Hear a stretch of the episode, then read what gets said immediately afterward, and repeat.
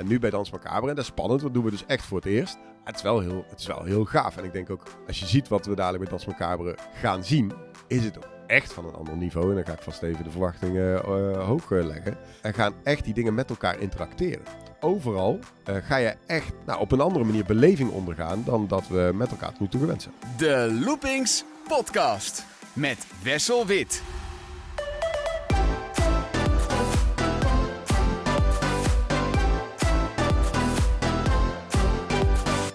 Van harte welkom bij de Loopings podcast met Koen Sanders. Hij is directeur product, markt en imago bij de Efteling.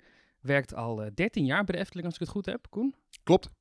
Uh, wij zitten hier in uh, kantoorgebouw Ravelijn. Hier breekt af en toe een brandje uit in het decor. Zitten wij hier veilig voor deze opname? We zitten voor het moment hier zeer veilig. Oké. Okay. Ik dacht we beginnen gewoon met een lastig dilemma. Knallen we er meteen in. En dan gaan we daarna de wat normalere vragen doen. Een dilemma. De Efteling mag één communicatiemoment van de afgelopen periode helemaal overdoen. Welke van deze drie momenten kies je? Of de aankondiging van de sluiting van het spookslot, of het gedoe rond de verkoop van het spookslotboek, of de communicatie rond de spookslot NFT en de metaverse. Vind ik geen dilemma. Is 100.000 procent zeker de eerste. Ja? 100.000 procent. Gaan we straks over verder praten. Allereerst, ik heb hier een aantal uh, titels opgeschreven die je allemaal hebt vervuld uh, bij de Efteling. Je bent begonnen als uh, manager communicatie en PR. toen heb je in 2015 marketing erbij gekregen. En in 2016 werd je adjunct-directeur marketing communicatie. gevolgd door directeur commercie, creatie en ontwikkeling in 2018. In 2021 heb je de hotels en de resorts nog even bijgedaan. En sinds januari 2022 noem jij jezelf dus directeur product, markt en imago voordat we gaan bespreken wat al die functies allemaal inhouden. Um, jouw tijd voor de Efteling, uh, waar ben je opgegroeid en wat heb je gestudeerd? Um, ik uh, ben in hart en nieren een Eindhovenaar. Heb in mijn jeugd al een uitstapje gemaakt, uh, heel ver weg naar Australië. Um, maar daarna weer terug in de regio Eindhoven.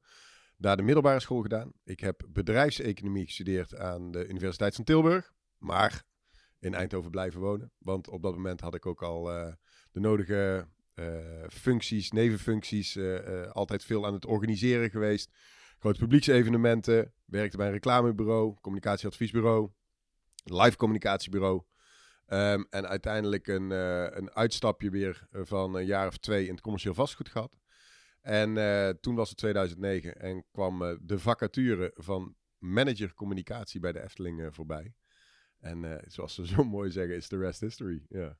Ja, dus jij bent, jij bent zelf hier gaan solliciteren. Want ik heb altijd in mijn hoofd gehad dat jij een soort van meegenomen bent door de toenmalige directeur Bart de Boer. Die dacht, oh, dat is een goede kerel, die moeten we hebben. Maar je hebt, je hebt jezelf hier gemeld. Het tegenovergestelde is bijna waar. Uh, ik denk dat Bart mij best een hele leuke kerel vond. Want die kende mij van al die leuke evenementen in het Eindhovense. Dus toen ik uh, solliciteerde, um, heeft hij mij uh, eigenlijk bijna voor de vorm uitgenodigd voor een sollicitatiegesprek. Want hij vond het wel leuk om die leuke kerel uit Eindhoven even zelf uit te leggen waarom het nooit iets zou worden. Ze had een heel uh, lijstje waarom het nooit iets ging worden. ik ben wel benieuwd naar, naar dat lijstje. Nou, dat was dat ik dan ook over bijvoorbeeld de financiële cijfers zou moeten communiceren. Dus ik, nou, ik ben dokter anders in de economie, dus dat moet me lukken, denk ik. Ehm, ja, maar je moet het ook leuk vinden om met hospitality bezig te zijn. Ik zeg, nou, ik heb ongeveer 15 jaar in de horeca gewerkt. En zo ja, was het lijstje. Toen zei hij, ja, nou heb ik geen argumenten meer, dan, uh, dan, dan moet je toch maar gewoon het proces in. en toen ben ik uh, ja, het proces ingegaan met sollicitatiegesprekken en uh, uiteindelijk de benoeming. Heb je eigenlijk een favoriete Efteling herinnering uit de tijd voordat je hier kwam werken? Kwam jij hier überhaupt vaak? Ehm, niet vaak, um, maar als Brabantse jongen natuurlijk ja, wel af en toe. Het zijn er eigenlijk twee. Eén is dat wij uh, in de laatste week voordat wij naar Australië emigreerden, ik was toen vijf, denk ik, um, zijn wij hier geweest. En ik heb dus in Australië vaak die filmbeelden, dat was nog gewoon van die oude VHS-beelden, uh, teruggekeken. Um, en dan, dan weet je, dan wordt heimwee in één keer een ding en zo. Dus Efteling stond voor mij daar wel heel erg synoniem met, um, uh, met, met, met het thuisland. Um, en de tweede is wel ook een beetje cliché, maar um, ik heb exact dezelfde foto van mijn opa als kind, van mijn vader als kind en van mijzelf. Dat wij met gebalde vuist voor het hekje bij onze grietje staan. En dat is toch, ja, het is een beetje, beetje, uh, beetje slicky, maar het is wel, ik vind dat wel ook echt het mooie aan de Efteling. Ja, al die clichés zijn gewoon waar natuurlijk. Daarom zijn het clichés geworden. Ja, ja. Dus jij werd hier manager uh, communicatie en PR. Eh, en automatisch dan ook een beetje de woordvoerder van de Efteling Ja. naar de buitenwereld toe. Ja. Hoe was het om in één keer namens de Efteling te mogen spreken? Ehm, nou, ik denk dat ik me toen niet zo realiseerde hoe bijzonder dat ook was. Weet je, het is ook gewoon werk en er moest ook gewoon ja, verteld worden wat er verteld eh, eh, moest worden. Er was al een, er zat toen een team van collega's die er ook al een tijd zaten. Dus het was niet dat je zelf in één keer alles moest gaan verzinnen. En er gebeurde natuurlijk zo verschrikkelijk veel. Ik bedoel, eh, de jaren met Bart waren wat dat betreft eh, Zou je Ja. turbulent kunnen zeggen? ja, turbulent. Zeker, maar wel leuk turbulent. Ehm, maar er gebeurde gewoon heel veel. Ehm, en ik begon op 1 januari 2010. En ehm, toen was duidelijk dat we 1 april 2010 open zouden gaan. En voor altijd open te blijven. En Sprookjesboom zouden openen. En iets later Joris en de Draak. En toen zeiden we, ja, volgens mij is communicatief. Dat moment dat je open gaat om voor altijd open te blijven. Veel nog interessanter dan hè, eh, alleen maar die Sprookjesboom. Sprookjesboom is één van de sprookjes in het Sprookjesbos. Maar we gaan maar één keer open om voor altijd open te blijven. Toen hebben we met elkaar in die paar weken die ertussen zaten... tussendoor nog Bosrijk geopend. En eh, die eeuwschrijvende pennenveer, eh, die er nog steeds staat. En die ja, tot 13 maart 2020 ook altijd schreef. Ehm, bedacht, gecreëerd en uiteindelijk ook geopend. Met eh, ja, echt wel veel media-aandacht. Dus jij was eigenlijk vanaf het begin af aan ook al betrokken bij dingen in het park. Het is niet per se dat jij alleen maar voor de camera staat en uitlegt wat de directie bedacht heeft. Maar jij bedenkt zelf ook de creatieve plannetjes. Nee, dat zou veel en veel en veel te eer, eh, veel eer zijn. Dat eh, doe ik vandaag ook nog steeds niet. Daar hebben we heel veel andere collega's voor. Maar je merkt wel, waarom is het leuk om bij de Efteling te werken? Dat ook ik, als ik naar die pennenveer kijk, dat ik denk, ik heb daar in ieder geval een klein beetje aan meegeholpen. En mijn rol naar mijn kinderen dan heel veel eh, groter maakt natuurlijk eh, als we er langs lopen. Maar nee, dat, dat, ook dat is niet door mij verzonnen. Ehm, maar ik eh, mocht er wel bij zijn. En toen kwam op een gegeven moment de marketingafdeling erbij, die ook onder je hoede nam. Maar daar had je dus al een beetje ervaring mee wat dat betreft. Ja, ja, dus toen was het de communicatie, het PR-deel. Dat stond. Contactcenter was er toen ook al bijgekomen. Toen mocht ik, Fons was toen commercieel directeur. En die vroeg of dat ik het interessant vond om eh, ook marketing erbij te doen. Hij was toen al algemeen directeur erbij geworden. En eh, dat was een mooie eh, nieuwe kans om ook weer echt ja, het, ook meer te gaan managen. En dus waar ook mijn achtergrond wat meer richting communicatie en PR zat. Hè, waarbij je daar dus ook lekker vanuit de inhoud aan het managen was. En het met elkaar ook op de inhoud aan het doen was. Ehm, wa- was dat de eerste keer dat er ook andere dingen van mij gevraagd werden. Namelijk meer het faciliteren en andere mensen helpen. In plaats van eh, ook het echt vanuit de inhoud samen beter gaan doen. Kun je daar over dat laatste iets vertellen, over wat je daar precies mee bedoelt? Nou, ehm, er zaten toen al, vergeleken met nu, eh, nog een heel veel minder. Maar er zaten toen al ehm, specialisten op een aantal marketinggebieden. Waar ik werkelijk de ballen verstand van had. Eh, en heb misschien nog steeds wel. Ehm, dus als je die mensen wil helpen, dan doe je dat niet door ze mee te gaan helpen vanuit de inhoud. Maar moet, moet je dus gaan helpen door op een andere manier eh, mensen beter te gaan maken. Of ze te kunnen faciliteren. Of te kunnen gaan zorgen dat ze kunnen groeien. Of dat eh, we op een andere manier gaan werken. Of dat ze op een andere manier geholpen worden. Ehm, hè, dus ja, op een andere manier mensen helpen. Dus qua titels hebben we dan marketing, communicatie, eh, commercie, creatie, ontwikkeling, product, markt en imago. Dat zijn een heleboel verschillende titels, maar jouw manier van leiding geven en jouw werkwijze is eigenlijk altijd hetzelfde gebleven. Denk ik al. Eh, dat is niet heel bewust hoor, maar ehm, ik zal niet zeggen dat ik geen ego heb. Dat is, dat is zeker niet waar, want anders dan eh, gaan er mensen ook heel hard lachen. Alleen, ehm, eh, ik heb oprecht nooit het gevoel dat ik eh, meer verstand heb van ontwerpen of beleving of Efteling creatief gedachtegoed als onze collega's op de afdeling ontwerp. Laat staan de afdeling technisch ontwerp. Ik bedoel, ik heb jou net geholpen hier met de verlengstoer, maar heel veel verder dan dat kom ik niet. Dat was best indrukwekkend. Ja, toch. Nou, maar dus als je ook die collega's wil helpen, dan, dan bedoel, dat betekent dat je een andere rol hebt. En wat er wel nog steeds hetzelfde is, is dat uiteindelijk het verhaal van de Efteling vertellen, hè, hoewel we natuurlijk tegenwoordig een fantastische woordvoerder hebben, eh, en dat meen ik serieus. Ehm, maar het, het verhaal van de Efteling vertellen, dat is denk ik iets wat ik aan nog steeds misschien wat allerleukst vind, en op een andere manier inmiddels doe. Meer te inspireren of te motiveren, of, of, of naar externe, of in presentaties, of naar stakeholders, ministers, noem het maar op. Maar dat, dat, dat zit er nog steeds ook wel in. En nu is de titel dus product, markt en imago. Eh, volgens mij omvat dat heel veel Mhm. binnen de Efteling. Eh, kun jij, voordat ik het zelf ga invullen, kun jij vertellen wat het allemaal is, product, markt en imago? Wat valt er allemaal onder binnen de Efteling? Nou, eigenlijk ehm, zit dus al vanaf een beetje, wat je net vertelde, de marketing- en communicatietijd, zit, zitten die afdelingen, de afdelingen die bezig zijn met eh, de commerciële activiteiten in Nederland, België, Duitsland, Hè, dus de, de marketing professionals, de marketing eh, eh, specialisten, hè, de mensen die bezig zijn met onze eigen kanalen, uh, ons eigen reclamebureau, merk en creatie, communicatie en reputatie, het contactcenter. Dat zijn allemaal de, de marketing, sales en communicatieafdelingen. Die zitten er al vrij lang, mag ik daar dichtbij zitten. Um, en vanaf 2018, zeg ik uit mijn hoofd, is daar de projectenorganisatie bijgekomen. En dan heb je dus over de afdelingen die bezig zijn met het ontwerpen, technisch ontwerpen en uiteindelijk de projecten en projectsportafdeling. En samen, het grappige is, als je aan willekeurig wie in Nederland iets vraagt over het product van de Efteling, beginnen ze over het merk. Als je het hebt over het imago, beginnen ze over Langnek. Uh, dus dat loopt allemaal lekker door elkaar. Um, er is ook maar één Efteling, er is maar één Efteling merk, er is maar één Efteling product. Hè. Um, uh, wij zijn niet zoals een Unilever waar je een, een, organisatie hebt en dan verschillende merken. Alles is Efteling. En dat betekent dat alles positief op elkaar uh, afstraalt, maar ook dat je ook moet zorgen dat je de, um, ook goed kijkt naar waar er krasjes op onze mooie parel zouden kunnen ontstaan. En zorg dat dat op alle mogelijke manieren niet voorkomt of zo snel mogelijk weer opgepoetst wordt. Dus die krasjes die zijn jouw verantwoordelijkheid, zowel in de marketingcommunicatie met de buitenwereld als wat er daadwerkelijk in het park te zien en te beleven is. Ja, en hoe is het om zo'n club ontwerp eh, er in één keer bij te krijgen? Want dat zijn natuurlijk niet alleen maar de Efteling ontwerpers, maar dat is een heel, ja, wat je zei zelf al, technisch ontwerp. Er komt heel veel bij kijken. Uh, heel anders dan marketing. Ja, maar ook weer niet heel erg anders in de manier van ermee omgaan. Namelijk het specialisme en het vakmanschap eren. En uh, op geen enkele manier de illusie hebben dat je, dat je, dat je beter bent vanuit het vak. Maar ja, gewoon je rol spelen. En we zijn hier met elkaar. Iedereen heeft zijn rol binnen de Efteling in deze periode dat we even op de Efteling mogen passen.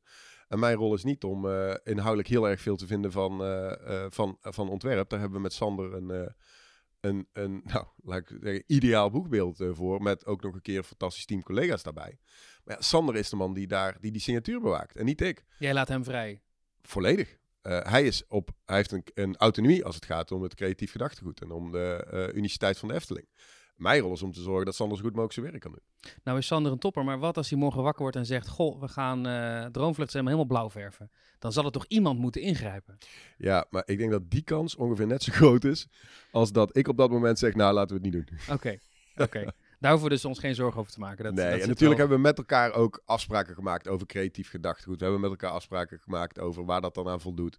Er zijn allerlei matrixen, hè, welke dingen we wel of niet eh, vinden met elkaar die we mogen aanpassen. En, en hoe, hoe breed dat dan is. Hè? De, um, de, de, het, het eren van alles wat de afgelopen 71 jaar is gebeurd, maar het wel nog een stukje beter maken. En dus natuurlijk zijn er wel spelregels.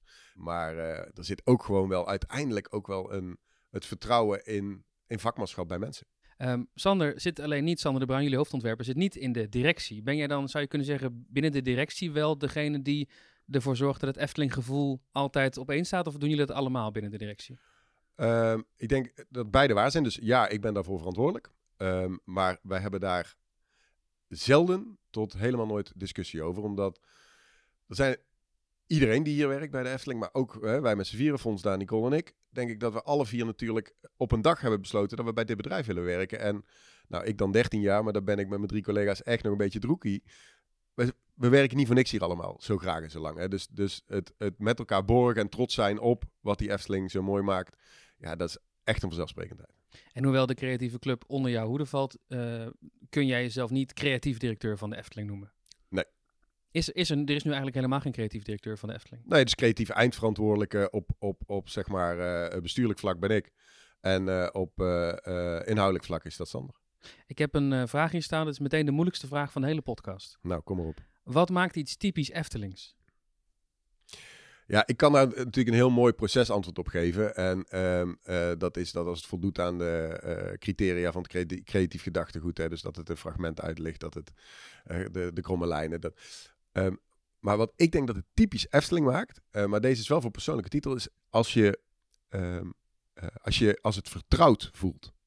En uh, dat is een mooi woord namelijk, want dat betekent dat het voelt alsof iets wat een beetje van jou is, of dat je het al eerder gezien hebt, of dat je het herkent. Of dat, is lekker, het voelt heel vertrouwd. Maar ook of dat het um, betrouwbaar is, of dat je er veilig voelt. En ik denk dat dat de belangrijkste, maar nogmaals op persoonlijke titel, een van de belangrijkste redenen is waarom mensen het hier fijn hebben. Um, er is al genoeg akeligheid in die hele wereld en hier is het even lekker. Het is klopt, het is mooi, het is, het is perfect, het is fijn, het is veilig. Um, En dus dat vertrouwt, hè, ook met mensen die hier nog nooit zijn geweest, die toch het gevoel hebben, poeh, soort, hè, soort, alsof je door een, door een bord comfortfood loopt of zo. Weet je? Het is lekker, het is een warme jas die je aantrekt. Het is even fijn, het Ja. is comfortabel. En het gevoel van herkenning dus ook iets wat je denkt al eerder gezien te hebben. Ja. Maar het is wel lastig als je een nieuwe attractie wil bouwen. Je wil eigenlijk iets totaal nieuws laten zien. Maar je moet constant in je achterhoofd houden als Efteling zijnde. Maar het moet niet te veel afwijken van de rest. Klopt, hè? dus het is zeker niet stilstaan, maar het is wel... Maar die herkenbaarheid zit dus niet alleen in de herkenbaarheid in de signatuur, heel erg ook, hè, om, om de consistentie te bewaken. Maar zit ook in het gevoel dat je dit fijn vindt om weer te zien. Eh, dus de herkenbaarheid van iets wat je ook nog niet kent. Ik vind dat ergens is dan een heel mooi compliment. Mensen zeggen, maar het stond er toch al heel lang. Of dat heb ik wel wel eens gezien. Ja, dat kan niet, want de laatste keer toen je er was, was het er nog helemaal niet. Oh, maar het voelt zo, zo logisch, zo vertrouwd, zo fijn. Als we de ontwerpers horen praten, dan hebben zij het vaak over... nou, wij zijn met een project begonnen, bijvoorbeeld een nieuwe attractie of een horecapunt. Want er was een vraag vanuit de directie. En vanuit daar gaan zij dan vaak een beetje brainstormen en dan komt er een mooi project tot stand. Eh, maar mijn vraag is, hoe komt dan eh, die vraag bij jullie tot stand? Ja, dat eh, het eh, met de omvang van de Efteling nu gelukkig niet zo is dat elke vraag ontstaat bij de directie. Ehm, de vraag ontstaat bij ehm, de verantwoordelijke. Hè? Dus dat betekent dat eh, het onderhoud van een horecapunt begint bij de afdeling horeca in samenwerking met de afdeling onderhoud en service. Ehm, daar liggen plannen onder, daar liggen jaarplannen onder. Waar wel altijd een directeur opdrachtgever is, is voor de strategische projecten. En dan gaat het dus over de grote nieuwe toevoeging aan de wereld van de Efteling. Ehm, dan is het ook niet dat een van ons vier eh, 's ochtends wakker wordt en denkt, nou, Ik, Ik- weet het, een dive coaster, dat gaan Ja. we doen. Hè? Nee, maar dat betekent dat wij hebben een, een, eh, een meerjaren roadmap, hè, waarin we kijken waar kunnen we de komende jaren hè, het geld van de Efteling het beste aan investeren. Daar liggen onderzoeken onder eh, vanuit de afdelingen strategie en inzicht, die aangeven van waar zitten voor de totale doelgroep van de Eftelingen, de extended family. Nou, hiaat, hè, wat, wat, ehm, als je naar die groep kijkt, wat moet er nu nog komen de komende jaren? Eh, gecombineerd met, hij hangt hier achter jou, de, de guest journey, eh, de ideale, het ideale gastbezoek. als je nou uiteindelijk echt wil dat mensen, ehm, als ze naar de Efteling zijn geweest, het fantastisch hebben gehad. Waar hebben we dan nu nog de grootste gap tussen die ideaallijn en waar we nu zitten? Dus het is vaak veel meer ratio in, dat, eh, in die fase, ratio en, en gastinzicht, die nou uiteindelijk komen tot de opdracht. ehm eh, kom tot een beleving met de capaciteit van zoveel. Eh, een bedrag van zoveel voor die doelgroep. Ehm, eh, die moet voldoen aan eh, deze eisen als het gaat om weersonafhankelijkheid, als het gaat om duurzaamheid. Als en dat is een opdracht. En dus die opdracht is helemaal niet zo leuk. Ja, die is heel leuk als je er volgens mij aan de slag mag gaan. Maar die opdracht is heel rationeel. Is heel erg gewoon gekeken naar, nou goed, ook weer de rol die wij spelen. Is namelijk de verantwoordelijkheid voor die totaal overzicht over hoe kunnen we de pot met geld van de Efteling zo goed mogelijk eh, verdelen. Waar moeten we dan nu op ingrijpen? Ja, dus wensen zijn heel abstract in, in Heel het begin. abstract. Ja. En niet gekleurd. Dus een divecoaster is geen wens. Een divecoaster is een antwoord. De, de, de wens is dan, we willen iets voor een jongere doelgroep, een beetje trail en een beetje verhaal. Precies. Jij zei net, eh, dan kijken we waar de hiaten zitten in het, in het bijvoorbeeld het attractieaanbod, maar dat geldt natuurlijk voor de hele wereld van de Efteling. Kun je nu iets zeggen waarvan je denkt, nou ja, onze volgende stap, we moeten wel heel erg weer een trail-achtbaan neerzetten, of we moeten heel erg nu naar families kijken, of juist naar kleine kinderen. Heb je nu iets in je hoofd wat nu die hiaten zijn? Nou, die zit niet zozeer denk ik nu op doelgroep. Hè. We, hebben, we hebben echt wel met achtereenvolgens eh, Joris, Baron, eh Ravelijn, nu dadelijk DMC ook nog denk ik die inhaalslag wel gemaakt op die groep zeg maar eh 8-16. Als onderdeel van de totale familie. Hè, stoere jongens en meisjes die ook echt wel eh, het eh, interessant moeten blijven vinden als open omen zeggen verrassing, we gaan met z'n allen naar de Efteling. Hè, dat, dat, dat, dat zagen we echt dat daar een hiaat zat. Ehm, ik denk dat ehm, eh, je nu heb je, hè, het hiaat zit veel meer op, op, op thema's als, ehm, als wachten. Dus capaciteit in brede zin is natuurlijk ergens een van de grootste, nou ja, laat ik het positief zeggen, uitdagingen voor de hele branche. Ja. Laat staan als je ook nog een beetje wil groeien in aantallen. Maar ook met gelijkblijvende aantallen zul je moeten zorgen dat er meer stoeltjes komen. Zodat je meer mensen per uur een beleving kunt laten ondergaan. Zodat ze minder lang hoeven te wachten. Eh, Zodat, eh, ja, en dan, dan kom je een beetje in die molen. En als je jezelf dan ook nog hebt uitgelegd eh, en vastgelegd op 11% bebouwen. Dat betekent dat je dus, als je meer stoeltjes wil hebben, je ook meer grond moet hebben. En dus dat is eigenlijk de hele, ook weer misschien wat saai, maar wel de hele rationele lijn die, die erachter uitbreiden van ooit de grenzen van de wereld van Efteling. Dus nu denken jullie niet zozeer in daar nog een attractie bij en daar nog een attractie bij voor, voor die doelgroep, maar meer in die capaciteit moet omhoog. Op welke manier dan ook. Ja, dus dat is, als je kijkt naar die, die guest journey zit, hè, van waar eh, zit je dan het verst hè, af potentieel in 2030 van die ideaallijn? Zit het in wachten? Hè, de, de wachttijden bijvoorbeeld. En wat we ook heel erg zien is dat ehm, als jij uiteindelijk hè, de, eh, na een dag Efteling met je gezin in de auto wegrijdt en je kijkt in die spiegel en je denkt, jeetje, deze dag was echt meer dan een 9 waard. Want dat is uiteindelijk die 9 plus. En dat is niet dat alles, onder, eh, alles bij elkaar, eh, los van elkaar, sorry, een eh, 9 plus moet zijn. Ik bedoel, ik denk dat het toiletbezoek en het betalen van een parkeerticket zal Moeilijk om daar een 9 er plus voor te dicht maken. tegenaan zitten, maar misschien niet helemaal gaan lukken. Ehm, maar dus je moet aan de onderkant de dissatisfiers, hè, waar zak je er nou echt onder weghalen. En zorgen dat je een paar keer een enorme klap uitdeelt. Ehm, en dat denken wij te kunnen doen door die, door die gebieden. Hè, dus immersieve gebieden, dat klinkt heel mooi, maar dat betekent een gevoel waar je, dat je als je in een gebied bent echt even denkt, jeetje, alles wat ik hier zie. Ik, zit, ik ben niet in een attractiepark, ik ben niet in de Efteling. Ik ben echt even in een gebied. Waardoor je met een paar van die klappers op die dag ook zorgt dat je eh, hè, vervolgens aaneengeregen door natuur de andere attracties hebt. Maar dat je daar eigenlijk je klappen uitdeelt. Interessant dat je begint over die eh, themagebieden, want dat is iets van de laatste paar jaar. We hebben dat gezien bij Max en Moritz, Wereld van Simbad, nu bij Dans Macabre, het Huiverwoud. Ehm, Anton Pieckplein. nou, ik wilde net zeggen, vroeger, als we het hebben over heel lang geleden, dan was het Sprookjesbos natuurlijk eigenlijk, eigenlijk een themagebied al. Het Volk van Laaf, het Anton Pieckplein, zijn ook al themagebieden. Je zou zelfs kunnen zeggen dat het plein bij Fata Morgana voelt ook wel een beetje als een themagebied als ik daar rondloop. Maar toch is de Efteling daar ergens in de jaren negentig van afgestapt. En nu heeft de Efteling dat weer teruggepakt. Eh, van waar is dat ineens weer zo belangrijk geworden? Want het is niet nieuw. Nee, ik denk dat dat vooral komt door, vanuit het inzicht dat als je mensen echt op een eh, niet-digitale, dus uiteindelijk zijn wij fysieke belevingen, je komt hier naartoe, ehm, dat eh, mensen zijn steeds meer gewend. Dus als je mensen echt nog iets wil laten beleven, kom je niet meer weg met alleen een attractie, waar als je uitloopt je meteen weer de volgende attractie ziet.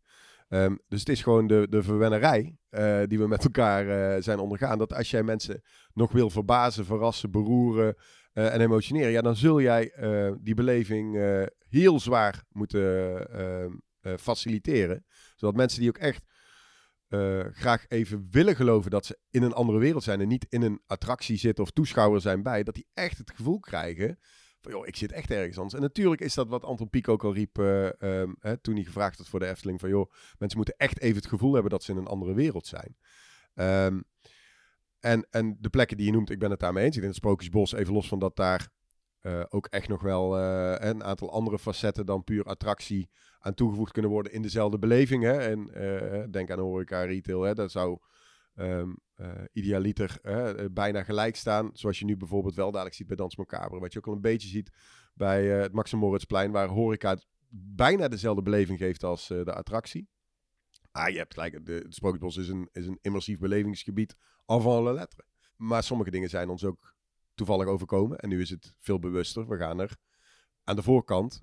ehm, en dat is ook een beetje een spoor waarin we zitten. Hè? Dus dat bij, op een gegeven moment hebben we gezegd, we gaan dit doen. Maar we gaan de agenda zoals die nu ligt, zijn steeds dominante projecten. Dan gaan we proberen zoveel mogelijk nog mee te nemen. Kijk naar de Wereld van Simbad. Kijk naar eh, Max en Moritz, waar er een dominant project was. En we hebben gezegd, kunnen we de rest meenemen? Dans Macabre is voor het eerst dat we hebben gezegd, we beginnen blanco sheet. En we, weten, we hebben nog geen idee wat er gaat komen. Er is één budget voor dit eh, totale project. Eh, dat betekent dat alles boven de grond, onder de grond, in, in natuur, in entertainment, in horeca, in retail, alles komt vanuit datzelfde budget. In plaats van dat we beginnen met, nou, we gaan eens een attractie bouwen. Heeft er nog iemand geld voor een winkel? Zoals het Ehm, misschien vroeger ging hier. Zoals het vroeger niet misschien ging, maar zeker. Ja. Ehm, wat ook heel logisch was, want zo was hè, ook de, de, de, de filosofie. En nu bij Dans Macabre, en dat is spannend, dat doen we dus echt voor het eerst. En dat is ook af en toe, daar, sommige dingen gaan dan meteen goed en sommige dingen, oh, hè, dit, dit werkt dus dan zo als je het zo met elkaar gaat doen. Maar het is wel heel, het is wel heel gaaf. En ik denk ook, als je ziet wat we dadelijk bij Dans Macabre gaan zien, is het ook echt van een ander niveau. En dan ga ik vast even de verwachtingen eh, hoog eh, leggen. Ehm, en gaan echt die dingen met elkaar interacteren. Dus gaan, Letterlijk misschien wel. nou, misschien zelfs letterlijk. Maar gaan dus inderdaad, de, eh, of dat het nou van collega naar entertainment, naar retail, naar horeca, naar buitenruimte, naar, naar het wachtgebied. Naar de, dat, weet je, je overal ga je echt eh, nou, op een andere manier beleving ondergaan dan dat we met elkaar tot nu toe gewend zijn. Mensen zijn dus ook steeds meer gewend. Dat is ook een van de redenen om in die gebieden te gaan denken. Om mensen echt helemaal onder te dompelen. Maar misschien leert de Efteling ook wel van andere Europese uh, attractieparken om de Efteling heen. Want parken als Fantasialand en Europa Park zijn al langer dan de Efteling bezig met die themagebieden. Dus misschien dat je ook denkt, ho, de, de adem eh, hijgt in de nek. We moeten, we moeten ook nog steeds die voortrekkersrol hebben. Ja en nee. Um, want ik denk dat de voorbeelden die je noemt uh, binnen onze branche, maar er zijn ook die immersieve belevingen, ook bijvoorbeeld in theater in Londen heb je hele uh, belevingen waar je naartoe kunt en waar je zelfs in kleding moet komen en waar je op een gegeven moment echt ben je een schizofreen doorheen loopt, totdat je denkt, ben ik hier, wil ik hier eigenlijk nog wel bij zijn, hè, waar het echt heel ver gaat zie ik bij de twee Duitse parken die je net noemt um, uh, op verschillende manieren. Maar ik denk ook zeker wat Fantasieland de laatste jaren laat zien. Maar ook heel praktisch door die hoge muren eromheen te trekken. Waardoor je, wat Fantasieland natuurlijk door hè, zeg maar de postzegel die ze nou eenmaal tot hun beschikking hebben, heel erg had. Is van ik loop van de ene attractie uit en ik zit meteen alweer in een volledig andere beleving. Dus dit is gewoon, hè, hoezo ben ik nu in, in een beleving? Ik ben er alweer uit. Vind ik dat zij met hun laatste gebieden uh, uh, groot respect verdienen door ook gewoon ze letterlijk af te scheiden met die, met die, hoge, met die hoge muren. Waardoor het gewoon daar binnen die muren, waar je ook kijkt, je nergens een dissonant ziet. En dat is natuurlijk ook vaak, hè, dat je uh, met elkaar je aan het richten bent op wat voegt iets toe. Maar vaak is uh, het minstens interessant om te kijken, maar waar, waar word je uit de beleving gehaald en die dingen weg te gaan strepen. Maar het gebeurt in de hele entertainmentwereld, zeg je eigenlijk de laatste tijd. Het gebeurt in de, dus dat immersieve, hè, dus meer in een volledige beleving zitten, is natuurlijk echt wel een trend. Ik denk dat de manier waarop wij het nu aan het doen zijn ook wel weer uh, in alle arrogantie nieuw is uh, voor de themeparkindustrie. Uh, zeker in Europa. Maar dat komt vooral denk ik door de compromisloosheid waarmee wij het nu aan het doen zijn. Er komt geen grote kaasschaaf aan te pas die aan het eind van het project zegt, oei daar hebben we allemaal geen geld meer voor, want alles is al binnen hetzelfde projectbudget besloten. Kijk, het voordeel is als jij het belangrijkste doel van een opdracht, hè, van even deze opdracht DMC, was een aantal mensen moeten een immersieve beleving ondergaan. Dan kun je niet gaan kaasschaven op je hoofddoel. Dat betekent dat je altijd op andere dingen moet gaan kaasschaven. Dat, want die stel je dan veilig. Dat als er ergens op bespaard moet worden, dan zal het op andere dingen moeten zijn, kan niet daarop. Dus ik ben daar, uh, nou even los van dat we die fases gelukkig bij Dans elkaar ook alweer uh, met elkaar, uh, daar klop ik toch maar even af, grotendeels gehad hebben. Hè, we, zijn, we zijn gewoon dik in de uitvoering nu. Um, hebben we daar de beleving echt, ja, zelfs tot op de toiletten. Ja, ook gewoon echt, het zijn andere toiletten dan we tot nu toe hebben gedaan. En dat betekent dat je serieus veel geld naar toiletten brengt, maar dat je daardoor ook niet net op die toiletten uit die beleving gehaald wordt. Het zijn storytelling toiletten. Het zijn storytelling toiletten. ik ben heel benieuwd. Ja. De verwachtingen zijn hoog gespannen. Ja. Uh, ik heb je wel eens een interview horen zeggen recentelijk. In 2030 dan willen wij het zou het mooi zijn als de Efteling dan zeven themagebieden zou hebben. Nou, mijn vraag was meteen, hoe tellen we die dan? Want tellen we dan de nieuwe themagebieden sinds Max en Moritz? Of, of tellen we dan het Sprookjesbos, het Antropiekplein, Volk van Laaf mee? Uh, kun je daar iets over zeggen? Ja, ik denk dat het gaat niet om per se zeven. Uh, want beter zes hele goede. Um, kijk, er zijn eigenlijk twee dingen die we aan het doen zijn. Eén is dat we elke investering vanuit de gebiedsontwikkelingsvisie aanpakken. En dat is denk ik het allerbelangrijkste. Dat we om twee redenen. Eén, dat we echt dus meteen kijken naar al die facetten. Wat willen we hier met horeca? Wat willen we hier met slapen? Wat willen we hier met entertainment? Zodat we het in één keer doen. Dat is gebiedsontwikkeling. Hè? Dus dat heeft als voordeel dat er meer beleving onderling, hè? meer, meer uh, cohesie is in de beleving onderling. En twee is dat je er minder, minder lang bent. Als je steeds volgordelijk dingen gaat doen, nou, dan ligt dat gebied er langer uit in de volledigheid voor onze gast. Dus dat is een soort proces. En tweede is, de aller, aller, aller, allerhoogste graad van gebiedsontwikkeling is dat iemand in dat gebied rondloopt en denkt, jeetje, ik ben echt in een andere wereld. Um, dus ik hoop dat wij in 2030 heel veel gebiedsontwikkelingen hebben doorgemaakt.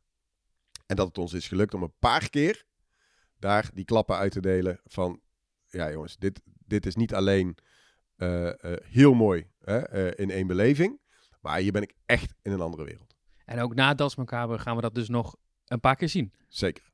En jouw titel is nog steeds directeur product, markt en imago. Daar zit dus ook de communicatie slash woordvoering bij. Wat ik me afvraag, uh, de Efteling is ontzettend vaak in het nieuws. In Nederland en daarbuiten. Hoe blij is de Efteling anno 2023 nog met die media-aandacht? Want als ik kijk naar het medialandschap, de momenten dat de Efteling echt dik in het nieuws is, dan zijn er tegenwoordig protesten, brandjes, sloopwerkzaamheden, prijsverhogingen, racisme. Dat ik denk, ja, wil de Efteling nog wel in het nieuws komen? Of denken jullie soms ook, nou, even geen journalist op de stoep? Natuurlijk denken we af en toe even geen journalist op de stoep. Uh, of aan deze tafel. Maar uh, uh, nee, ik denk dat dat zou echt dat zou, tekort doen aan alle successen die we ook maken met vrije publiciteit. Laten we het zo zeggen. Ik bedoel, het is, het echt twee kanten van dezelfde medaille. Um, je kunt niet willen dat als je de bron opent, RTL Nieuws, NOS, dat, waren, dat was in die tijd natuurlijk nog belangrijker dan nu, alle nationale dagbladen, iedereen erbij was. Zelfs de Telegraaf in die tijd nog. Uh, iedereen, iedereen hier aanwezig bij de opening van een achtbaan. Laten we heel eerlijk ook even zeggen wat het is. Hè? De opening van een achtbaan in een attractiepark. En dat zit in het 8 uur journaal. Even, dat is best gek. Maar daar waren wij super blij en trots. En dat hadden wij heel goed gedaan. Als hij het dan in diezelfde week in één keer niet meer doet. Ja, dan kun je niet zeggen, ja, daar mogen jullie niks mee doen. Hè? Want waarom is dat dan nieuws dat hij het niet doet? Omdat ook iedereen wist dat hij er was ik denk, en daar, zo reëel uh, zijn we met elkaar wel. En ben ik ook. Ik bedoel, um, je kunt niet de Efteling willen zijn en bij bijna iedereen in Nederland een heel bijzonder plekje in hun hart hebben. Maar dan niet willen dat mensen er ook iets van mogen vinden. En ja, uh, een, een, letterlijke scheet in de Efteling is nieuws. Maar dat is ook af en toe onze mazzel.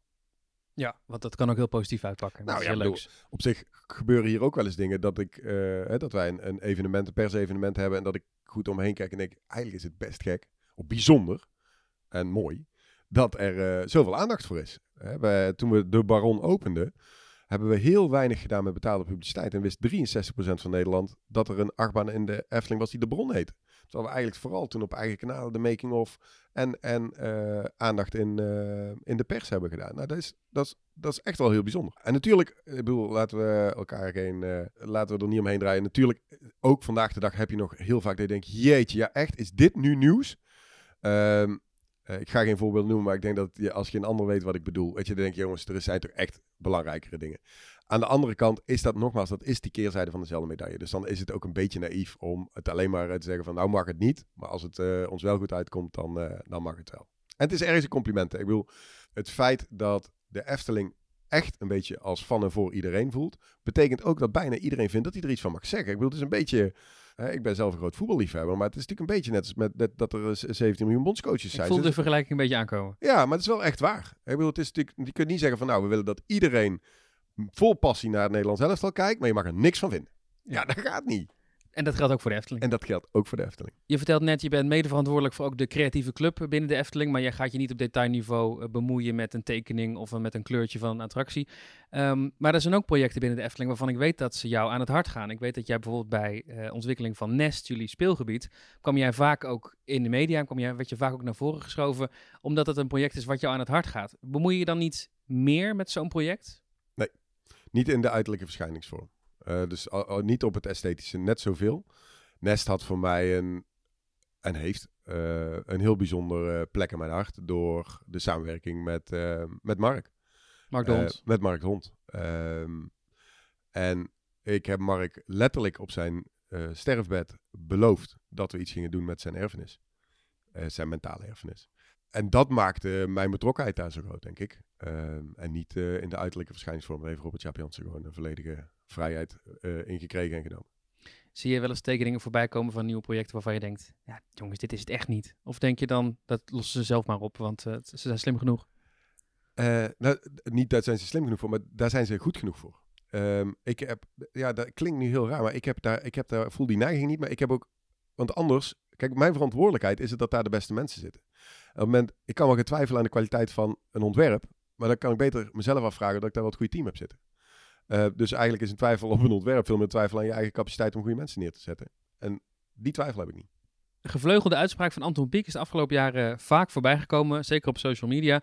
Wie zich gedwongen aanpast aan de geest van de tijd, vermoordt zijn persoonlijkheid. Geldt dat anno 2023 nog steeds binnen de Efteling? Ja, ik denk in de geest zoals Pieck het toen bedoeld heeft, geldt dat nog steeds. En dat is dat je je identiteit niet te grabbel moet gooien, nooit. Maar dat betekent niet dat je op slot moet en een museum moet worden en moet bevriezen. Maar je moet niet, ontlo hè, je moet, je moet niet wie je bent en wat je uniek maakt en wat ook je zo groot heeft gemaakt. Hè. Ik denk dat daar zit het vooral. De, uh, de trots op, op de afgelopen 71 jaar moet niet zorgen dat je een kramp raakt. Uh, want dan heeft die trots een verlammend effect. Uh, maar moet eigenlijk een voedingsbodem durven zijn om verder te gaan op. En dat betekent niet dat alles één op één eh, hetzelfde moet zijn. Maar wel dat het vertrouwd, herkenbaar eh, en, en bij de Efteling moet horen. Kijk, onze verantwoordelijk voor iedereen die bij de Efteling werkt, maar laten we het dan even niet flauw zeggen. Ik denk van ons vieren misschien nog iets meer dan, eh, dan van alle collega's. Van de directie. Ja, is natuurlijk om de Efteling nog een stukje mooier en gezonder te maken. En niet om hem lelijker te maken of, of minder uniek of platter of wat dan ook. En dat is best een hele mooie verantwoordelijkheid, hè? om hem weer door te mogen geven. Eh, maar niet in dezelfde staat. Hè? Het is niet alsof je een oldtimer hebt gekregen en eh, moet zorgen dat hij twee keer gewassen wordt eh, per week en dat je hem zo doorgeeft aan je zoon. Hè? Het is wel een, het is een levend organisme dit en dat ook bij de tijd moet blijven, relevant moet blijven. Waardoor mensen ook vandaag, morgen en over tien jaar reden genoeg hebben om naar de Efteling te komen. Veel mensen die pakken dat stukje eruit, gedwongen aanpassen aan de geest van de tijd om te zeggen, dan had het spookslot nooit weggemogen. Maar als je kijkt naar de geschiedenis van de Efteling, zijn er natuurlijk heel veel dingen die al vanaf jaar één veranderd en verbeterd en ver- vergroot en weggehaald zijn. Nou, ik denk dus dat het spookslot natuurlijk in zijn gebouw een bepaalde eh, toegevoegde waarde had voor het totale palet, maar vooral in wat het brengt. Namelijk in ehm, het, het Eftelings griezelen. Dat is iets wat we wilden koesteren, moeten koesteren en mogen koesteren voor de komende jaren. En ik heb ook al eens eerder gezegd dat wij eh, eh, zelf echt wel de overtuiging hadden dat we precies het juiste aan het doen waren. Toen we uiteindelijk moesten besluiten om eh, het spookslot in een andere hoedanigheid, laat ik het dan zo even mooi zeggen, terug te laten komen. Ik zal niet ontkennen dat het heel erg fijn was dat toen wij de allereerste ideeën en ontwerpen aan de familie van de Ven lieten zien, dat zij ook echt zeiden, ja, maar dit is, weet je, dit is zoals het door moet leven. Dat, ja, dat was wel een fijne bevestiging. De nabestaande van Tom van de Ven, Ja. eh, de ontwerper van het spookslot. Ja. ja, ja, excuus. Maar dat, hè, de, de bevestiging van je bent niet iets aan het afbreken, maar je bent iets juist aan het doorgeven aan de volgende generatie in een, in een ultieme vorm. Ja, dat, dat is wel wat we daarmee beogen.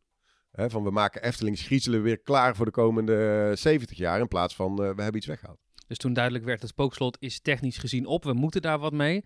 Toen is er nooit intern bedacht, dat hele griezelen laten we varen. We gaan iets heel Nee. anders doen, die plek. Nee, dus hè, dat, is, een beetje een, gradatie natuurlijk. Is, ehm, eh, moet het één op één herbouwd worden? Ehm, wat we ook heel vaak wel doen. Hè. Kijk ook naar eh, de enorme eh, werkzaamheden de laatste jaren in het Sprookjesbos. En neem Vrouw Holle, neem, nou, waar je eigenlijk je best doet om het zo goed mogelijk één op één terug te laten brengen. Misschien in een iets geoptimaliseerdere vorm. Zat bij Spookslot, weet je, technisch kon dat niet. Hè, moest het weg, hè, laat ik het zo zeggen. De, één op, maar één op één hebben we niet gedaan vanuit die gedachte van we moeten wel zorgen dat ook in beleving de Efteling weer klaar blijft voor de toekomst. En als je dan zag hoeveel mensen er nog naar de Efteling kwamen, was het letterlijk één op één terugzetten. Eh, niet iets wat wij, maar ook onze gast aangaf, eh, dat, ze daar, dat, dat dat heel erg verstandig was. Ze hebben gezegd, dat moeten we in een geoptimaliseerde vorm terug gaan brengen. Wat met Langnek natuurlijk ook gebeurd is, bijvoorbeeld. Of de Chinese nachtegaal, of nou, noem ze op. Ja, voorbeelden genoeg. Ja. Ehm, je vertelde aan het begin, als je één moment zou mogen kiezen uit eh, de PR-ophef van de afgelopen jaren die ik opnieuw zou mogen doen, dan is het 100% zeker eh, de aankondiging van de sluiting van het spookslot. Ja. Waarom is daar geen twijfel over bij jou? Omdat ehm, eh, ik, we, onderschat hebben dat niet iedereen meteen eh, ervan uitging dat wij heel goed omgaan met ons eigen erfgoed. En ik denk dat is de inschattingsfout. Dat wij dachten, goh, iedereen zal wel begrijpen dat als wij uiteindelijk moeten bepalen, of bepalen om iets weg te halen wat zo dierbaar is als het spookslot, dan hebben wij daar jaren over nagedacht, verdriet van gehad. Dan is, zijn alle afwegingen daarin gedaan. Dan zijn we met erfgoedgroepen intern daarna gaan kijken. Wat willen we behouden? Dan hebben wij heel goed gekeken. Wat willen we dan behouden? Fysiek, wat willen we behouden? Mentaal, hoe kunnen we daarmee omgaan? De aanname die wij ten onrechte hebben gedaan. Iedereen zal wel snappen welk proces wij de afgelopen vier jaar door hebben gelopen. En nu is het laatste stukje. We gaan het ook nog naar buiten vertellen. Dat iedereen zegt, nou, dat hebben jullie goed gedaan. En dat was niet zo. En dat is ook heel, in retroperspectief, heel logisch. Hè? Ook vanuit die gedachte dat het van ons allemaal is. Ehm, ik merk wel dat als- hoe meer je dat gaat vertellen naar, naar, eh, naar, naar liefhebbers, eh, fans, maar ook hè, naar de erfgoedverenigingen die op bezoek zijn geweest. Als we dan gingen vertellen eh, aan deze tafel, aan hen, wat wij altijd doen, maar ook wat we in eh, eh, de casuïstiek van het spookslot de afgelopen vier jaar hebben gedaan. De zorgvuldigheid, de liefde, de passie, het verdriet. Ja, zeiden die mensen, ja, maar als ik dat had geweten, dan had ik... eh, En toen dacht ik, ja, dan kun je wel steeds zeggen, nou, dat hadden ze moeten weten. Ehm, maar dat is de inschattingsfout geweest Beter uitleggen. er niet van uitgaan dat iedereen bij voorbaat al weet, of snapt, of voelt, of begrijpt hoe het voor ons is geweest en wat we hebben gedaan. Dat hadden we beter moeten uitleggen. Toch is het wel opvallend, want de Efteling heeft vergeleken met andere attractieparken die ik ken, een heel leger aan uh, marketeers en PR-specialisten. En toch komt het best wel vaak voor dat ophef of onvrede niet, uh, dat men dat niet voelt aankomen. Dus ik denk, ja, uh, dit steekt de thermometer in de billen van de fanwereld. En die roepen al vanaf moment één, dit gaat iets worden. Die, die vinden daar wat van. Um, is dat dan niet ook een beetje naïef?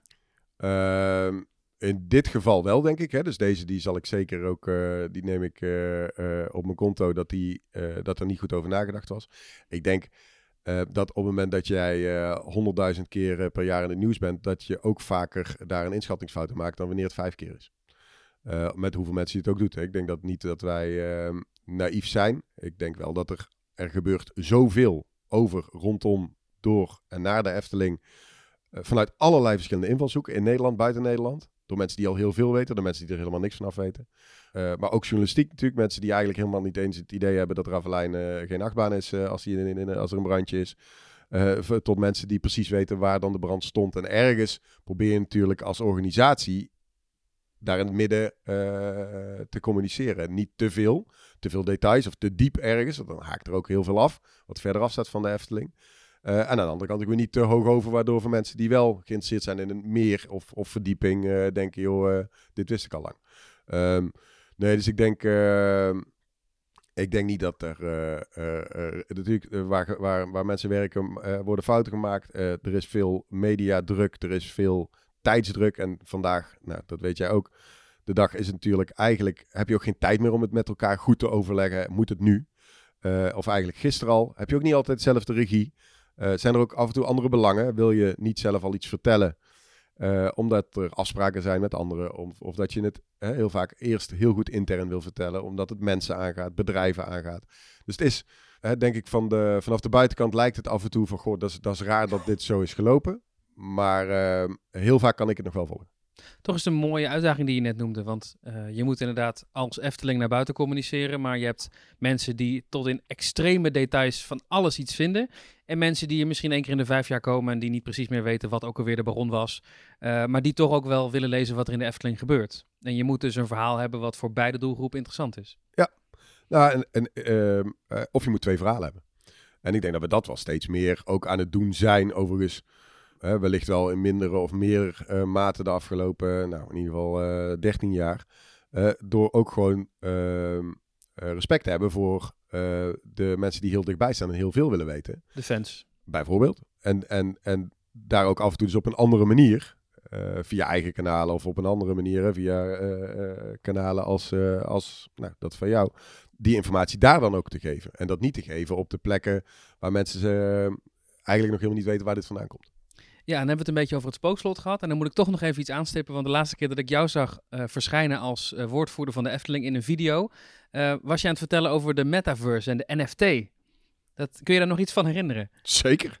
Zeker. Hoe, hoe, kijk jij terug op dat communicatiemoment? Dat jullie gingen vertellen, het spookslot blijft virtueel bestaan. Je mag er omheen lopen, maar als je naar binnen wil, moet je een NFT hebben. En die gaan in principe alleen aan de medewerkers, maar die mogen het wel verhandelen op een NFT-marktplaats met cryptocurrency. En dan kun je er eventueel tegen betaling toch in. Dat is een beetje, als ik het samenvat voor de mensen die onder een steen gelegen hebben, wat het verhaal uh, was. Hoe kijk je erop terug? Want er was veel over te doen. Er was veel over te doen. Uh, maar uh, anders dan het voorbeeld wat we net noemden, denk ik wel bewust dat we dit gingen doen. Hè, waar ook hè, terecht ook andere geluiden over zouden zijn. Maar er kwamen voor ons twee dingen samen. Eén is dat wij, hè, zoals we ook op andere manieren proberen bepaalde innovativiteit mee te nemen dat wij eens wilden onderzoeken hoe NFT wel of niet zeg maar, op lange termijn bij de Efteling zou passen. En we wilden het spookslot zo goed mogelijk gaan bewaren. Dat waren twee losse trajecten. Die zijn op een gegeven moment uh, uh, op elkaar gekomen. En waarbij we heel erg hebben nagedacht met elkaar. Wat is dan de beste, je kunt ook zeggen min slechte, maar de beste manier om de eerste keer met NFT om te gaan. Ik snap heel goed de kritiek en, en de teleurstelling en de, de mening van uh, mensen die dicht bij de Efteling staan, van fans. Ik denk echter, als we hadden gezegd, we gaan het spookslot slopen en we gaan proberen nog een slaatje eruit te slaan door onze NFT's te gaan verkopen aan de mensen. Mag, mag ik dan iets heel geks zeggen? Ja. Dat iedereen er gewoon in mag? Had ook gekund. Alleen dan hadden we dus niet met die NFT's kunnen experimenteren. Maar dat was wel de gedachte. We moeten iets. We, we, er loopt een traject, we willen iets met een spookslot. Ja. En er loopt een los traject, we moeten iets met NFT's. Ja. Dit is een mooie manier om dat samen te laten Zo is het. Maar ik denk dat de Efteling altijd heeft geroepen: we willen niet eh, achterlopen op techniek, we willen niet de boot missen, maar we willen ook niet, zeker niet voorop lopen met nieuwe technieken. Maar dit was echt een gevalletje: de Efteling loopt voorop, want ik ken geen ander attractiepark in de wereld dat zegt: hier zijn NFT's. Niet helemaal waar. Ehm, maar die hebben het commercieel ingezet. Ehm, dus er zijn al een aantal wel entertainmentbedrijven en attractieparken in de wereld, zeker. Maar ja, weet je, het is ook een beetje aardig verplicht. Want het is natuurlijk niet de NFT nu iets is van gisteren of zo. Hè? Dus, eh, of of eh, crypto. En eh, ik denk de manier waarop wij dit hebben gedaan door hè, alleen met collega's en het eh, ehm, op een heel bescheiden schaal te doen. dat het ook nog wel een, juist een hele nou, bescheiden eerste stap is om, om eens te kijken. Hè, wat wil deze digitale, eh, wat, wat bieden deze digitale kansen ook voor mogelijkheden voor de Efteling. Ehm, dus ik, ik heb hier niet het gevoel dat wij hier een soort businessmodel als eerste naar de wereld laten zien eh, wat eh, totaal nieuw was. Ik vond het zelf heel nieuw en heel ingewikkeld, hè, begrijp me niet verkeerd. Ehm, maar eh, daar zijn al hele eh, grote organisaties ook mee bezig op een hele andere schaal. Het was een experiment eigenlijk voor jullie. Ja. Hoe is het bevallen? ja, ehm, aan de ene kant ehm, eh, heel goed. Eh, omdat we hierdoor wel, denk ik, ehm, ook met elkaar de focus hebben gehad om, de, om het spookslot op een waanzinnige manier eh, te borgen. De manier waarop hij nu gezien wordt, is natuurlijk een manier waarop hij ook eh, toegankelijk moet zijn voor alle devices en zonder dat het heel lang laat. Maar we hebben natuurlijk de onderliggende brondocumenten, ja, die zijn waanzinnig. Hè. Ik bedoel, dat is, dat, dat is Nog veel bizar. gedetailleerder. Dat is echt bizar. Eh, zo gedetailleerd dat ehm, hè, als je door het ruwe materiaal loopt met mensen die al heel lang bij de Efteling zijn en ook al heel lang het spookslot kennen, dingen zagen die ze nooit hadden kunnen zien in het echt, omdat je er niet kon komen, omdat je op die plek niet kon komen of wat dan ook. Eh, dus ik denk dat dat is, dat is echt een fantastische bijvangst. Hè? Dat we als je zegt, we willen dit documenteren hè, als een soort eh, document voor de geschiedenis, is dat waanzinnig gelukt. Ik denk ook dat we ehm, intern op een hele mooie manier hebben kunnen laten zien hè, van joh, de spookslot was echt van iedereen. Hè, maar wij met z'n drieduizenden zijn toch hè, eh, ehm, ook een beetje met elkaar eh, eigenaar nu van de Efteling in, eh, deze periode. Dus ja, ik denk dat het. En we hebben eens gezien hoe dat nu werkt met die NFT's. En wat dat is. En, en ehm, eh, wat de grote. Hè, in de praktijk ook daar de, de nadelen van zijn. Wie je daarvoor nodig hebt. Wat voor partijen.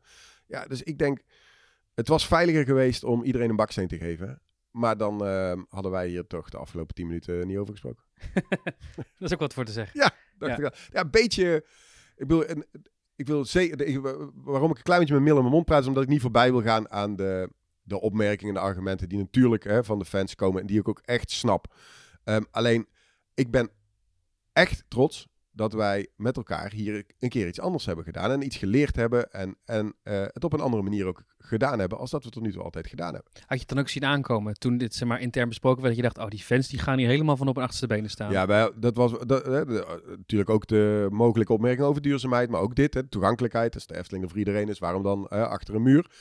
Eh, die stond ook al op het lijstje natuurlijk op het moment dat je sowieso betaald toegang gaat geven tot iets. Hè. Of dat dat nou voor medewerkers is, vind ik dan zelf nog steeds sympathieker dan wanneer het gaat verkopen aan de hoogste bieder als organisatie. En hè, dan zou de kritiek, wat ik zeg, net zijn van, goh, dan ga je iets dat voor iedereen was, het spookslot, weghalen. En dan ga je nu, eh, ondanks dat ons businessmodel natuurlijk altijd is om toegang te vragen tot iets. Maar ga je hier ook nog een keer die toegang limiteren en ga je er nog een slaatje uitslaan. Nou, dat is op dit moment eh, natuurlijk op geen enkele manier, omdat eh, er zijn best wel wat collega's die op dit moment een leuk zakcentje eraan verdiend hebben. Ehm, maar wij als Efteling, heeft, eh, ja, heeft het natuurlijk ja, alleen de investering gekost. Maar ehm, eh, wat we, wat we, de, er zit de winst vooral in het leren. Ja, ja, ja, er wordt niks verdiend. De Efteling verdient niks voor de duidelijkheid met deze NFT's. Nee, Integendeel. Eh, dus, dus dan zou je kunnen zeggen, dat had het voor iedereen opengesteld. Maar dit was ook een beetje een cadeau aan de medewerkers. Ja. Die, ja. En een cadeau is iets minder waardevol als iedereen het mag. Ja, en gewoon inlogcodes, dan eh, is- wordt er zo misbruik van gemaakt. Ja, maar had ook gekund. Alleen hadden we die, die, die innovatie in het experiment rondom NFT niet gehad. Ja. Dus ik denk, ik, nogmaals, eh, soms zitten er ook gewoon twee waarheden aan. Hè? Dus dat, dat de kritiek er best mag zijn. Maar eh, in dit geval, we heel bewust, wetende hè, dat dit allemaal hè, valide argumenten zijn om eh, er iets van te vinden, hebben we toch gezegd, we gaan het wel doen. En met al die brandjes in Ravelijn, is er al een metaverse kopie van Ravelijn gemaakt? voor de zekerheid? Hij komt niet door de firewall. Oh, alright. Tot slot nog een paar vrolijke uitsmijters. Eh, heb jij een favoriete plek in de Efteling? Ehm, ja, die heb ik. goed, zo één is wel lastig, hè? Potverdorie. Ehm, Iedereen dat- zegt altijd hetzelfde. Iedereen zegt altijd het Herautenplein in het Sprookjesbos. Ja, dat is net de reden om het natuurlijk niet te noemen. Ehm de, er zijn er voor mij echt wel een paar. Maar het- je gaat eigenlijk veel meer terug naar wat je daar met wie hebt meegemaakt dan per se de fysieke plek. Dus dan ga ik toch ook wel gewoon terug naar eh, de plekken die voor mij dan heel erg symbool staan aan eh, waar ik eh, eh, de eerste keer dat mijn kinderen nest gingen, vond ik fantastisch. Ehm, eh, maar ik heb niet zo lang geleden ook met mijn zoontje de eerste keer in de Python gezeten. En ja, weet je, dat is toch wel... Het is natuurlijk heel cool voor iedereen hè, die bij de Efteling is, papa of mama bij de Efteling werkt. Maar als je dan ook een keer samen de Python in mag, ja, dan, is, dan ben je bijna plaatsvervangend trots op, op iets wat er al stond toen ik acht was. Ehm, maar, eh, dus die staat voor mij nu weer even op één. Ja, dat zijn de mijlpalen. Ja. Maar dat zijn misschien niet jouw favoriete attracties in de Efteling, Nest en de Python. Als je zou moeten kiezen. Nee, dat is toch echt eh Droomvlucht in Joris. Dat is niet zo heel origineel. Maar eh, ja, we hebben het al eerder over gehad. Dat clichés en favorieten, die zijn het natuurlijk niet voor niks geworden. Maar Joris vind ik wel opvallend. De meeste mensen zeggen ook Fata Morgana erbij. Eh, ik vind Joris gewoon puur als, als baan. Ik ben geen enorme ride-fan. daar hadden we een andere Koen voor in de directie. Ehm, maar ik vind Joris nog steeds... Ik, ik kan niet in Joris in de Draak zitten zonder te lachen. Weet je, dat ik, ik krijg ergens halverwege gewoon door, door, door, de, door de dynamiek... Ja, ik blijf dan wel heel waanzinnig vinden dat je iets met hout en spijkers zoiets kan maken. Dat is, eh, ja, blijf ik wel heel gaaf vinden. Heb je een eh, favoriet ander park buiten de Efteling? Ehm, ik vind uh, Puy de Fou waanzinnig. Frankrijk, ja. Ja, en Animal Kingdom. In Orlando, in, Yes. bij Disney. Ja. Al 13 jaar bij de Efteling, ontzettend veel eh, functies gehad in de loop der jaren. Het enige wat ik nog niet op het lijstje zie staan is eh, algemeen directeur. Eh, wat nu natuurlijk Fons Jurgens is. Stel je voor dat jij daarvoor gevraagd zou worden. Zou je dat leuk vinden? Ehm, het is een beetje dubbel. Ik denk dat ik nu de leukste functie heb binnen de Efteling. Ehm, dus de, de domeinen waar ik me nu af en toe tegenaan mag bemoeien, zowel het commerciële als de projectorganisatie. Ja, laten we eerlijk zijn, voor mij, hè, het gebeurt in de operatie, maar deze twee zitten natuurlijk wel ook heel dichtbij het bescheiden talent wat ik heb. Dus ik vind op dit moment dat ik gewoon echt de leukste baan heb binnen de Efteling. Ehm, eh, maar ja, weet je, als je zo eh, al 13 jaar blij bent met een bedrijf, eh, zou het heel raar zijn als ik zeg, nou, dat zou ik, dat zou ik verschrikkelijk vinden om, eh, om hier langer te blijven. Dus eh, ik denk een beetje daartussenin. Je bent in ieder geval nog niet weg bij de Efteling. Ik ben voorlopig nog niet weg, ze zijn niet van me af. Dankjewel voor het gesprek. Dankjewel. Je luisterde naar een aflevering van de Loopings podcast. Heb je vragen of opmerkingen? Mail dan naar podcast@loopings.nl. En wil je geen afleveringen missen? Abonneer je dan via de verschillende podcast-apps zoals Spotify. Bedankt voor het luisteren en graag tot de volgende keer.